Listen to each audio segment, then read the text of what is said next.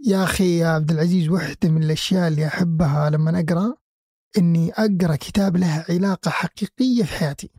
فالحين جالس أقرأ كتاب قصة ستيف جوبز. فألمس الأثر يا أخي أنت تلمس الجوال الآيفون حدود خمس ساعات في يومك أقل شيء. فحلو يا أخي أنك تعرف كذا تاريخ الجهاز اللي أنت يأخذ جزء من حياتك. أنا أقول زين إذا هو يأخذ خمس ساعات بس في اليوم هذا توقيت مثالي. حظه اللي بس يستهلك الجوال خمس ساعات.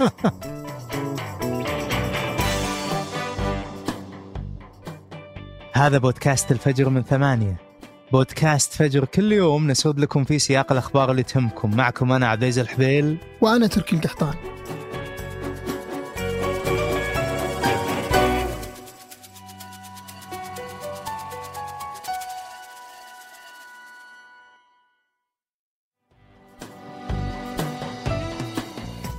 لما نتكلم عن قائمة أغنى أثرياء العالم غالبا يخطر ببالك رجل أعمال زي إيلون ماسك ولا جيف بيزوس ولا حتى بيل جيتس. فإيلون ماسك كان ولا زال شاغل العالم بسياراته الكهربائية وخططه لاستيطان المريخ. وبعد ما اشترى السنة الماضية تويتر زاد تداول اسمه وارتبط بموضوعات جدلية كثير. خلته محط أنظار العالم والولايات المتحدة الأمريكية. أما بيزوس فهو منافس دائم وشرس على المراكز الأولى في قائمة فوربس لأغنى أغنياء العالم. وهذا بفضل القوة الهائلة اللي تتميز بها أمازون في سوق التجارة الإلكترونية وأكثر من قطاع. لكن اللي ممكن يفاجئ كثيرين أن كل من ماسك وبيزوس فقدوا المركز الأول في قائمة فوربس لرجل أعمال أقل شهرة منهم. ولكنه بطبيعة الحال أكثر ثراء. والمقصود هنا برنارد أرنو رجل الأعمال الفرنسي والرئيس التنفيذي لشركة LVMH اللي تعتبر مظلة للعشرات من الماركات الفخمة. ففي ديسمبر الماضي انتزع آرنو لقب الأغنى على مستوى العالم من ماسك بعد ما وصلت ثروته 188 مليار دولار مقابل 178 مليار دولار لماسك بحسب فوربس. ومع حصول برنارد على اللقب الجديد تساءل البعض عن شخصية رجل الأعمال الفرنسي وطبيعة تجارته. وفي من اعتبر صعوده كرجل أعمال تقليدي وأوروبي تحدي لشركات التقنية والتجار الأمريكيين. هذه الأسئلة كانت متوقعة بعد تفوق برنارد على ماسك وبيزوس خصوصا أن أكثر غموض وتحفظ من غيره فهو غير نشط بمواقع التواصل الاجتماعي وما يظهر إلا نادر في المناسبات العامة. وعشان كذا ورغم أنه كان متواجد في قائمة فوربس من فترة إلا أن الكثير ما كان يعرفه أصلا وهالشيء استمر حتى بعد تصدر القائمة. بس يجي السؤال من هو أصلا برنارد أرنو؟ برنارد ولد في فرنسا عام 1949 يعني بعد أربع سنوات تقريبا من نهاية الحرب العالمية الثانية. وهو ابن لأحد أهم رجال الأعمال في مجال البناء في سبعينيات القرن الماضي. وهي الفترة اللي تولى خلالها إدارة شركة والدة في البناء قبل ينتقل إلى قطاع العقار. وقبل أيضا يتخذ قرار أنه يدخل مجال الملابس والتجزئة. فبدأ في عام 1985 الشركة اللي تعرف الآن ب LVMH وكانت البداية من خلال مبلغ 15 مليون دولار أخذ برنارد من عائلته لغرض واحد وهو شراء شركة ديور من ملاكها اللي أفلسوا وبعد شراء شركة أفلس ملاكها الأصليين استطاع آرنو أنه يوسع إمبراطوريته للبيع بالتجزئة. وصارت شركة LVMH اللي شارك برنارد في تأسيسها كمظلة لأفخم العلامات التجارية العالمية في شركته عندها حوالي 60 شركة تابعة. وتدير 75 علامة تجارية مشهورة من ديور وتيفاني إلى لويس فيتون. وعلى مدى العقود الماضية حول أرنو شركة LVMH إلى عملاق في مجال السلع الفاخرة. وشركة لبيع المشروبات الكحولية والأزياء والسلع الجلدية والساعات والمجوهرات ومستحضرات التجميل من خلال أكثر من 5500 متجر حول العالم. وصول برنارد للقب أغنى أغنياء العالم جاء في الوقت اللي تعاني فيه الشركات التقنية بشكل كبير. ففي وسط ضعف الأسواق تأثر الشركات ورجال أعمال كثيرين منهم ماسك نفسه اللي دخل العام الماضي موسوعة جينيس بعد ما سجل أكبر خسارة للثروة الشخصية في التاريخ بقيمة 165 مليار دولار. برنارد ذاق الأزمة لكن وضعه كان أفضل من أصحاب المليارات في مجال التكنولوجيا اللي هيمنوا على قائمة أثرياء العالم.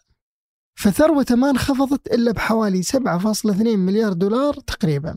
بينما كانت خسارة شركات التقنية أكبر مقارنة بأداء قطاع التجزئة اللي صار في حال أفضل مع ازدياد الطلب وتخفيف الاحترازات من كورونا.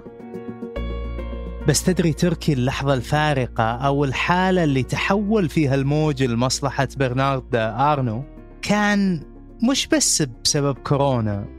يعني الصعود اللي اللي كان بسبب كورونا مو هو بس اللي خلى برنارد شخصية تتصدر قائمة فوربس.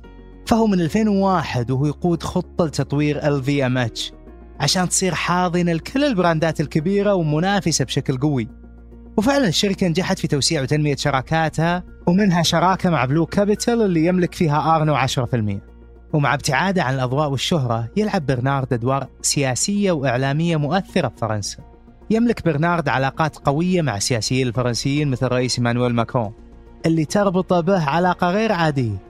فبرنارد كان يرافق ماكرون في بعض الجلسات الرسمية مع رؤساء الدول ويظن الخبراء أن برنارد كان يدعم ماكرون بقوة خصوصا أن ماكرون في فترة رئاسته الأولى ألغى ضريبة الثروة وهو الشيء اللي ساعد أمثال برنارد أنهم يضاعفون ثروتهم ودخل برنارد خط المنافسة الإعلامية بعد الانتخابات الرئاسية الفرنسية في 2022 واللي تزامنت مع قلق الرئيس مانويل ماكرون من تأثير بعض رجال الأعمال أصحاب الميول اليمينية على الناخبين الفرنسيين فماكرون وقتها أبدأ تخوفه من تأثير رجال أعمال لهم آراء يمينية على الإعلام.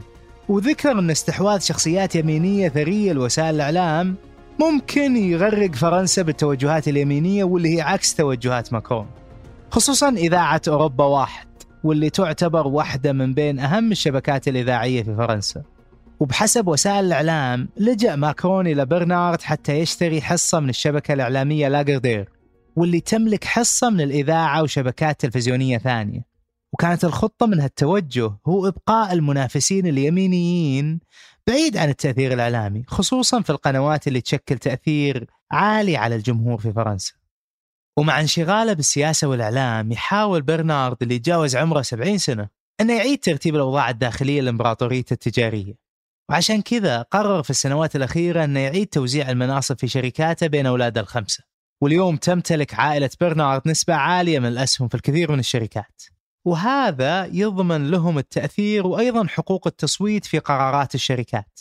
فجميع أولاد برنارد الخمسة يحتفظون بمهام رئيسية في الشركات اللي يملكها خصوصا في إدارة التسويق والاتصالات وأيضا مناصب في الإدارة التنفيذية العليا. ولهم صوت مؤثر في تكتل شركات يتكون من 75 علامة تجارية معظمها في قطاع المشروبات والأزياء الراقية ومستحضرات التجميل. وهو قطاع ما جرت العادة أن يكون أصحابه في قوائم أغنى أغنياء العالم. فقوائم فوربس لسنوات كان يقودها ملاك شركات تقنية ويسعى برنارد اللي تقدر ثروته بأكثر من 170 مليار دولار أنه يربط العلامات التجارية العريقة بالمستهلكين الشباب. حتى يحول مجموعته LVMH الأكبر منتج للسلع الفاخرة في العالم.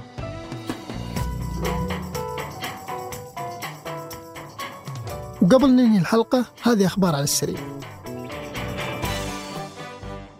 ذكرت بلومبرج أن فينس ماكمان الرئيس التنفيذي السابق ل WWE وأحد كبار المساهمين في الشركة يأمل في الحصول على 9 مليارات دولار لبيع WWE وقالت الوكالة أن الشركة وصلها عدة عروض من عدة مؤسسات مثل Endeavor Group المالكة لبطولة UFC بالإضافة إلى مستثمرين من الشرق الأوسط. وكانت تقارير سابقة ذكرت أن السعودية مهتمة بشراء WWE إلا أن الرئيس التنفيذي للشركة نيك خان نفى التقارير. أعلنت وزارة العمل الأمريكية عن تغريم شركة Packers Sanitation Services مليون وخمسمائة ألف دولار بعد ما شغلت أكثر من 100 طفل في وظائف خطيرة في مراكز لتصنيع اللحوم وتعبئتها. وذكرت السلطات الأمريكية أن الأطفال تراوحت أعمارهم بين 13 و 17 سنة ودفعتهم الشركة للعمل ضمن دوامات ليلية داخل 13 فرع لها في ثمان ولايات. وبحسب البيان كان الأطفال عرضة لمواد كيميائية خطيرة لتنظيف معدات لمعالجة اللحوم منها مناشير يدوية وآلات لتقطيع اللحوم ورؤوس الحيوانات.